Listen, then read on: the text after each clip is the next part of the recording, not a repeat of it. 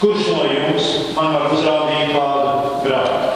Bet ja es runāju patiesību, kāpēc jūs neticat man? Tas no Dieva ir dzirds Dieva vārds. Tāpēc jūs nedzirdat, ka neesat no Dieva. Jūdi Jēzus atbildēja, vai mēs pareizi nesakām, ka tu esi savaies un ka tev ir vārds?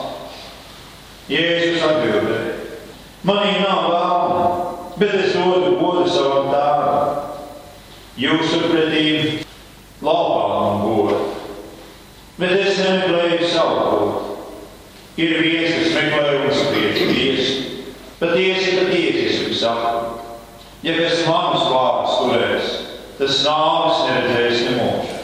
Tad jūdi viņam sacīja, nu mēs zinām, ka tev ir vārds, Ābrahāms ir mīlis un pravieši, un tu saki, kas manus vārdus turēs, nebaudīs nemūžu.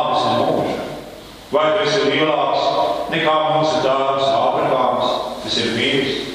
Tāpat kā pravieši ir miruši. Par ko tu sevi dari? Jēzus atbildēja. Ja es pats sevi ceļu godu, mans gods nav nekas. Bet tas, kas man ceļu godā, ir mans tēvs, ko jūs saucat par savu dievu. Jūs viņu nepazīstat, bet es viņu pazīstu. Ja es sacītu, ka nepazīstu viņu, es būtu mēnesis līdzīgs jums, bet es viņu pazīstu un turu viņu vārdus. Jūsu dāvāns Ābrahāms kļuva līdzīgs. Nopestams redzēs manu vienu, un viņš to redzēja, un priecājās par to. Un tad jūdzi viņam sacīja, tev vēl nav 50 gadi, un tu būtu Ābrahāmu redzējis. Jēzus atbildēja viņiem, patiesi, patiesi es jums saku, pirms Ābrahāms stāta, esmu es. Tad viņi pacēla akmeņus un nesu tos uz viņu, bet Jēzus paslēpās un izgāja no tempļa ārā. Šīs dienas evaņģēlijas, kuru mēs dzirdējām altāra lasījumā, mums stāsta par Jēzus cīņu pret neticību. Neticība ar tās ārprātam līdzīgo stūrgalvību ir drausmīgs posts. Un tas ir posts, kas nemitīgi apdraud arī mūs visus, un ar ko mums ir jācīnās katru dienu.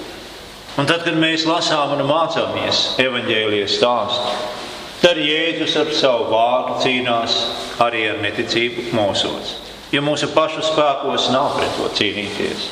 Tādēļ uzmanīgi klausīsimies šīs dienas evaņģēlī. Iepriekš Jēzus bija konstatējis jūdu neticības stāvokli. Jūs neticat man tādēļ, ka es saku patiesību. Un tas ir jebkuras neticības stāvoklis. Jo patiesība vienmēr pieprasa ticību. Dieva vārdu atklātās patiesības noraidīšana vienkārši tādēļ, ka tā ir patiesība, nozīmē vēlmišķību. Ievērojiet, ka Jēzus nesaka, jūs neticat par spīti tam, ka es saku patiesību, bet jūs neticat tieši tādēļ, ka es saku patiesību. Un tas ir saprotams tā, ka valna darbi ir meli, bet Jēzus daba ir patiesība. Te nav runa par dažādiem uzskatiem vai viedokļiem, bet par tiešu patiesības un melu konfrontāciju. Un patiesība tiek noraidīta tieši tādēļ, ka tā ir patiesība. Tas ir pamats Jēzus dramatiskajam jautājumam. Kurš no jums var man pārmest grēku? Nu, protams, jūdi pārmeta Jēzum daudzas lietas. Bet Jēzus jautājums nav par to, kas jūdiem šķiet pieņemams vai nepieņemams, bet par to, kas ir pierādāms. Runa ir par grēku. Un grēks ir īstais un tiešais, galvenais vēlna darbs. Un Jēzus uzrāda jūdiem apsūdzību līdzdalībā tieši šajā vēlna darbā. Līdzdalībā lielajā grēkā, līdzdalībā visos grēkos, piederībā nepareizajai pusē. Neitrāla stāvokļa nav. Cilvēks var būt kopā tikai ar dievu vai vēlnu. Tas ir tas, ko mēs skaidri redzam no šīs Jēzus sarunas ar jūdiem. Kurš no jums jautā, Jēzus var uzrādīt manu grēku un tādējādi piederību grēka autoram vēlnu? Šis jautājums, kurš no jums neļauj izvairīties nevienu? Dieva dēls Jēzus ir pilnīgi bezgrēcīgs, un viņš to ļoti labi apzinās. Jūdiem, lai kā tie centās, tā arī nekad neizdevās atrast nevienu vērā ņemumu argumentu pret Jēzu. Un tagad Jēzus mēģina vest jūdus pašus pie sava grāka atziņas un nožēlas. Viņš saka, ja es saku patiesību, tad kādēļ jūs man neticat? Protams, tāpat kā iepriekšējais jautājums, arī šis jautājums attiecas uz jebkuru cilvēku, arī uz mums šodien. Jūdzi uz šo jautājumu neatbild, viņi stūrgalvīgi klusē. Jo ik viens mēģinājums atbildēt apliecinātu tikai to, ko Jēzus bija sacījis iepriekš. Jūs neticat man tādēļ, ka es saku patiesību. Tad, kad patiesība tiek noraidīta tādēļ, ka tā ir patiesība, Tad viss, ko iespējams par to sacīt, ir, ka šāda rīcība ir neprāts. Neprāts, kas notiesā pats sevi. Un tā kā jūdi klusē, tad viņu vaina ir pierādīta. Un Jēzus atbild viņu vietā. Kas ir no Dieva, tas dzird Dieva vārdus. Jūs nedzirdat, tādēļ, ka neesat no Dieva. Un tas ir secinājums, kas izriet no visas iepriekšējās sarunas.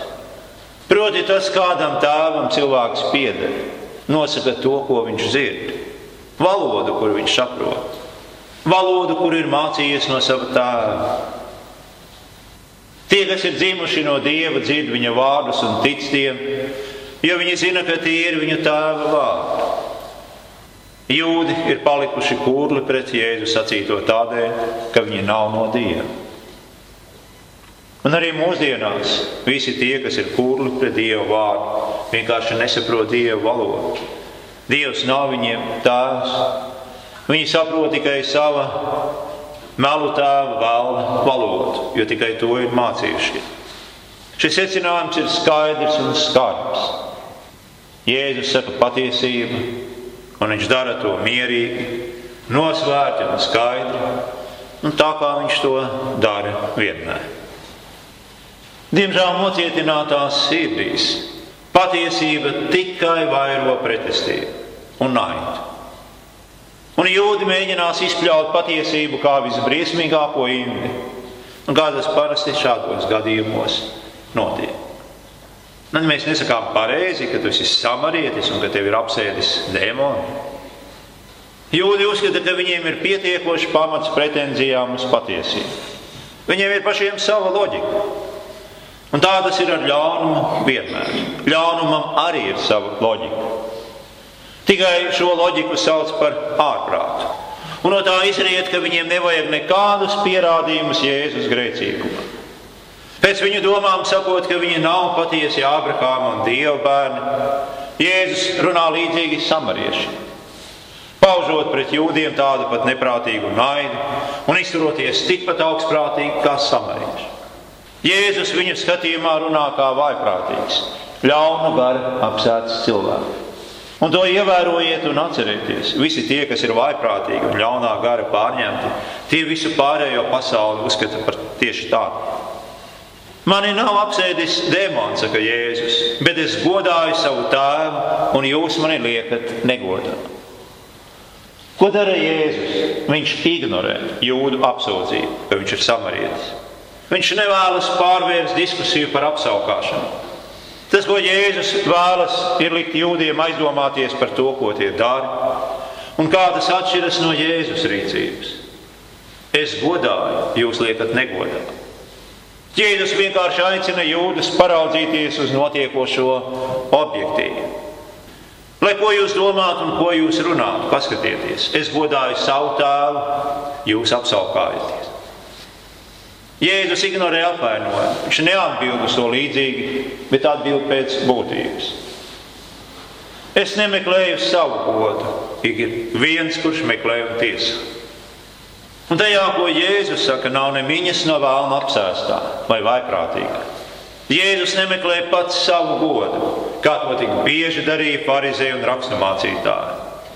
Viņi apsaukājas un cenšas pazemot. Jēzus nebūtu negrasās atbildēt ar to pašu.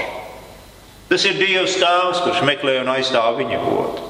Tāpat kā Jēzus meklē sava tēva godu. Un tēva tiesas spriedums būs atbilde tam, kā šie un citi Jēzus pretinieki ir izrīkojušies ar viņu vārdiem. Jo tie ir paša tēva vārdi, kas nāk no tā mutes, kuru viņš sūtīs. Jēzus gods atrodas drošās rokās, tāpat kā to ļaužu sots, kas cenšas viņam godu laupīt. Un tas neatiecas tikai uz to brīdi, bet arī uz to, kas notiek mūsu dienās un kas notiks līdz pasaules galam. Ir jābūt ļoti uzmanīgiem ar Jēzus vārdiem. Šos vārdus nevar likt negodā, tāpat kā viņa persona. Šos vārdus nevajag apšaubīt un kritizēt, jo šajos vārdos ir kaut kas tāds, ko mēs nekur citur šajā pasaulē nevaram atrast. Un pēc iepriekšējiem smagiem bauslības vārdiem tagad sako brīnišķīgs evaņģēlijs. Patiesi, patiesi es jums saku, kas manus vārdus turēs, tas nāvis neredzēs ne mūžu. Jēzus tagad runā svinīgas vārdas veidā, un viņa sacītais attiecas uz ikvienu cilvēku līdz pašām laiku beigām, līdz pēdējai dienai. Palikšana viņa vārdos, viņa vārdu turēšana nesīs glābiņu. Uzsvars, uzsvars šeit ir uz Jēzus paša vārdiem un vienīgi uz viņa vārdiem. Ja vienīgi tiem piemīt spēks un vara glābt no nāves. Jēzus jau iepriekš bija sacījis, ka palikšana viņa vārdos vedīs pie patiesības atzīšanas un brīvības no nāvi nesošajiem vēlna meliem. Un tādēļ viņa vārdi ir arī dzīvības vārdi. Jēzus to jau bija sacījis iepriekš, sakot, ka viņa vārdi ir gars un dzīvība. Un tagad viņš vēlreiz to uzsver un svinīgi apzvēr, ka tas, kurš turēs viņa vārdus, nāves neredzēs ne mūžu. Ko tas nozīmē? Redzēt nāvi līdzīgi kā redzēt dievu valstību, nozīmē ieiet tajā, piedzīvot to. Jēzus vārdu dzirdēšana un turēšana glāb no mūžīgas nāves, no mūžīgas nošķirtības no Dieva ēle.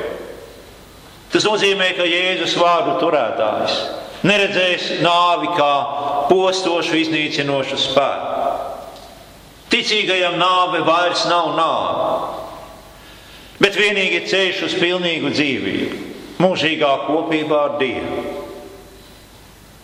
Jēzus nepasaka skaļi, kas notiks ar tiem, kuri viņa vārdus neturēs. Bet, protams, tas skaidri izriet no viņa sacītā. Tie redzēs nāvi, visā pilnībā izbaudīs tās briesmīgo vārdu. Un to dzirdot, jūdiem vajadzēja kļūt piesardzīgiem. Tomēr, kā vienmēr, bezdievīga apmācība dzentos ar vien dziļāku postā. Jo meli paralizē cilvēka prātu un apstulbina. Melu pārņemts cilvēks vairs nespēja brīvi spriest un domāt, bet melus runādams viņš to dara no visas sirds. Viņš tic pats tam ārprātam, kas nāk no viņa mutes. Un tā vietā, lai atzītu savu vainu un meklētu glābiņu patiesībā, neticīgie jūdi ar ārprātam līdzīgu sajūsmu izsaucas. Nu, mēs zinām, ka tev ir apsēdis dēmons. Ābrahāms ir miris un arī pravieši, un tu saki, ka es manus vārdus turēs, tas nāvis nebaudīs ne mūžu. Nu, jūdu vārdi liecina, ka viņi ir labi sapratuši Jēzus iepriekš sacītu. Un viņi ir pārliecināti, ka tas, ko viņš saka, nav iespējams. Un kādēļ tā, nu tādēļ, ka kaut vai beigu beigās psalmu grāmatā ir lasāms, ka nav tāda cilvēka, kas dzīvotu un neredzētu nāvi un paglābtos no ēles. Un tā kā jūdzi uzskatīja, ka Jēzus nav nekas vairāk kā tikai cilvēks, Jāzepa dāns, tad viņi bija pilnīgi pārliecināti, ka Dieva vārds ir viņu pusē. Nu, turklāt viņi vēl atsaucas uz patriārku Ābrahāmu, kurš dzirdēja Dieva vārdu un turēja to, un tomēr ir miris. Un tas pats notika arī ar dižajiem vecās derības praviešiem. Arī viņi mīra izņemot ēdu. Kā man šāda cilvēka Jēzus nācerieša vārdi varētu palīdzēt glābt no nāves? Vai tas nav ārprāts? Un vai šādas domas un šaubas neiezogas galvā arī mums? Nu, ja viņš pats tā domā, tad jūdi ir pārliecināti, ka viņš ir nekas vairāk kā ļauno garu apsēsts ārprātīgais. Jo neviens, kurš ir pie pilna prāta, nevarētu sacīt kaut ko tam līdzīgu. Savā paviršajā aplumā un atmātībā jūdi visticamāk apzināti sagroza Jēzus sacīto. Viņi izliekas, ka viņi nesaprot, ka Jēzus ir runājis par mūžīgo nāvi. Un izturas tā, it kā viņš būtu runājis tikai par fizisko, tas ir laicīgo, miesisko nāvi. Nu, vai tad tu esi lielāks nekā mūsu tēvs Ābrahāms, kas ir nomiris, un arī pravieši ir miruši? Par ko tu sevi dari? Jūdi ir pārliecināti, ka Jēzus izturas nedzirdēti augstprātīgi un ignorē visu viņa tautas vēsturi ar tās diženajiem vīriem. Un jautājums, par ko tu sevi turi, tika uzdots jau agrāk, un tas atkārtosies arī vēlāk. Netiešā veidā tas atklāja jūdu galveno apsūdzību. Jēzus sevi pielīdzina Dievam. Jo kurš cits gan varētu glābt no nāves, ja ne vienīgi Dievs? To, ka Jēzus varētu būt daudzkārt lielāks un diženāks par Ābrahāmu un visiem praviešiem kopā ņemot, jūdi negrasās atzīt nekādā gadījumā. Ko dara Jēzus? Viņš nenovēršas, bet žēlsirdīgi turpina. Ja es pats sevi pagodinātu, mans gods nav nekas. Tas, kurš mani pagodina, ir mans tēvs. Par viņu jūs sakāt, viņš ir mūsu dievs. Jūs nekad neesat viņu pazinuši, bet es viņu zinu. Ja es sacītu, ka viņu nezinu, es būtu melis līdzīgs jums. Bet es viņu zinu un turu viņa vārdu. Tam, ko Jēzus pats iesāktu ar savu godu, nav nozīmes. Pats bez Dieva viņš nebūtu nekas. Šis Jēzus arguments ir vispārējs un attiecas uz ikvienu cilvēku. Ar savu dzīvi un darbību Jēzus pagodina savu tēvu, un tēvs pagodina viņu. Bet tā nav lieta, kuru var demonstrēt novērotāju priekšā. Par spīti tam, ka jūdi mēģina viņu noniecināt un apkaunot, Dievs viņu ceļ godā un paaugstina. Un šeit Jēzus pasludina to, kas viņš ir - sava debesu tēva dārsts. Un tā kā tas ir Dievs, kuru jūdi sauc par savu Dievu, un tad viņiem to vajadzēja zināt. Bet izrādās jūdi savu Dievu nepazīst. Balstīdamies vecās derības apsolījumos, viņi to sauc par savu dievu, lai gan patiesībā ar savu rīcību ir derību lauzuši. Tie, kuri lielās un paaugstina paši sevi, ir jūdi, nevis jēzus. Par sevi Jēzus to nevar sacīt. Jēzus nemitīgi tika valna un apkārtējo cilvēku kārdināts, pagodināts sevi. Kaut reizi pagodināt sevi par to, kas viņš ir un ko viņš tā. Nevis tā. Nevis rīkoties pēc tēva, bet saviem ieskatiem. Nevis pēc tēva gribas, bet ko dara Jēzus. Viņš nekad nepadodas šim kārdinājumam. Viņa rīcība nekad nav sevis paaugstināšana. Nekad viņš nelielās un nelepojas. Bet viņš pilda tā gribu, kurš viņu ir sūtījis. Viņš ir tas, kas nosaka Jēzus rīcību, un viss gods par to pienākas viņam. Jūdi nav patiesi iepazinuši Dievu caur viņa vārdu, bet Jēzus pazīst Dievu un pazīst viņu tiešā nepastarpinātā veidā kā Dieva dēls. Un arī kā patiesa cilvēks, viņš tur viņa vārdu. Jēzus kārtējo reizi mēģina salauzt jūdu nocietinātās sirdis. Un, ja mēs lasām kārtīgi šo evaņģēliju, tad vārds to pašu dara ar mūsu sirdī. Šie jūdi nepazīst Dievu, tomēr saka, ka pazīst. Jēzus pazīst Dievu, bet jūdi vēlas, lai viņš būtu līdzīgs viņiem. Mēlis un sacītu, ka viņš Dievu nepazīst. Bet Jēzus pazīst Dievu. Viņš tur un sargā viņa vārdu arī no tiem izkropļojumiem, kuros slīkst viņa klausītāji šajā brīdī jūdi raksturmācītāji un farizēji. Ābrahāms. Ābrahāms jūsu tēvs ielīgsmojās, cerībā ieraudzīt manu dievu, un viņš ieraudzīja un priecājās. Ābrahāms vairākas reizes redzēja dieva darbu. Nu, piemēram, kad Ābrahāms sarunājās ar Dievu par iespējamu dažu Sodomas iedzīvotāju glābšanu. Tad pie viņa ieradās trīs sievietes. Divi bija eņģeļi, bet trešais tas kungs cilvēka izskatā. Tomēr attiecinot Ābrahama redzējumu uz sevi, Jēzus izaicināja jūdu autoritāti un skaidri apdraudēja viņu varas pozīciju. Un šīs izaicinājums bija nepiedodams. Tas noveda pie konflikta, kas beigu beigās novedīs pie ar romiešu rokām īstenotas brutālas Jēzus krustā sišanas. Jautājuma būtība bija nevis tā, ka Jēzus nevarētu būt Izraēla dievs cilvēka veidā, bet gan, ka Izraēla dievs parādoties kā cilvēks, pavisam noteikti nevarētu būt Jēzus. Viņš varētu būt augstais priesteris, viņš varētu būt kāds no citiem priesteriem, viņš varētu būt vienalga, kurš tikai ne Jēzus. Un, lai gan jūdu rabīnu vidū pastāvēja tradīcija, kā Abrahams spēja ieskatīties tālā nākotnē, jūdi tomēr noraida visu, ko Jēzus ir sacījis par savu dievišķo izcelsmi un tiešo dievu pazīšanu. Viņi ignorē arī paši savas tradīcijas un izturas pret Jēzu sacīto tā, it kā viņš būtu tikai parasts cilvēks. Un Jēzus atkal apgriež jūdu atsauci uz Ābrahāma kājām gaisā, atklājot to, cik slikti Ābrahāma bērni tie patiesībā ir. Ciniski un stūrgalvīgi noraidot to, pēc kā Ābrahāms ilgojās un par ko viņš no sirds priecājās. Jēzus parādīšanās jūdu vidū ir saskares punkts, kur sastopas viss, ko Dievs līdz šim sacījis un kam viņa ļaudis ir ticējuši. Jo Jēzus ir tā visa piepildījums. Un tad jūdi ķeras pie savas loģikas. Tev vēl nav ne 50 gadu, un tu esi redzējis Ābrahāmu. Nu, jūda argumenta loģika ir tāda, ka, ja Abrahāms redzēja Jēzus dienu, tad Jēzum vajadzēja arī būt redzējušam Abrahāmu. Vai viņš patiesi vēlas sacīt, ka viņš ir tik vecs?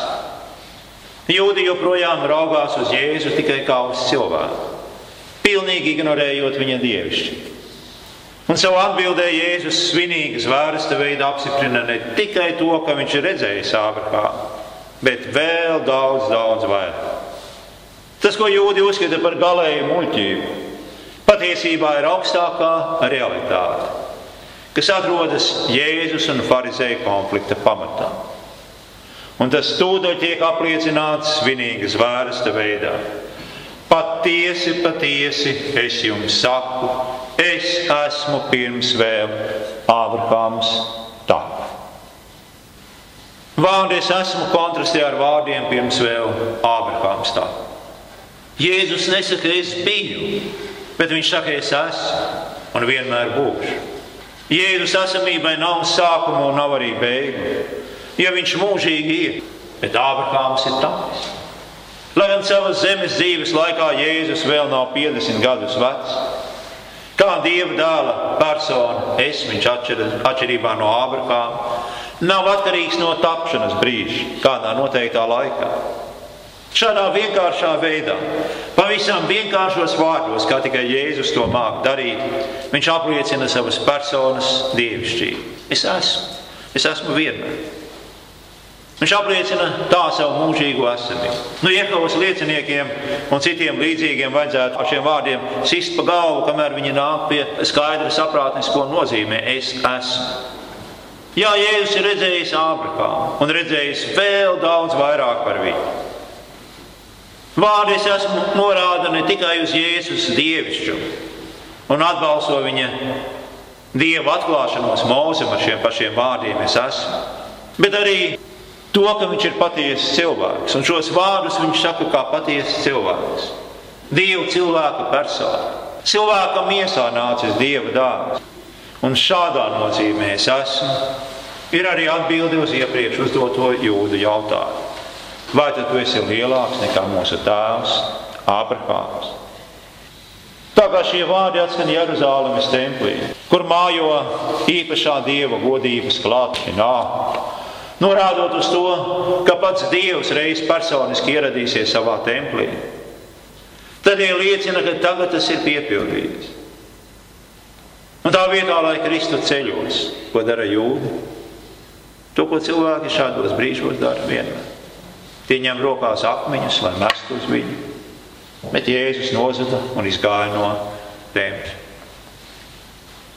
Nu, saskaņā ar jūdu likumu Ar bauslības likumu jūdiem bija jāsoda ar nāvi dievu zaimotā.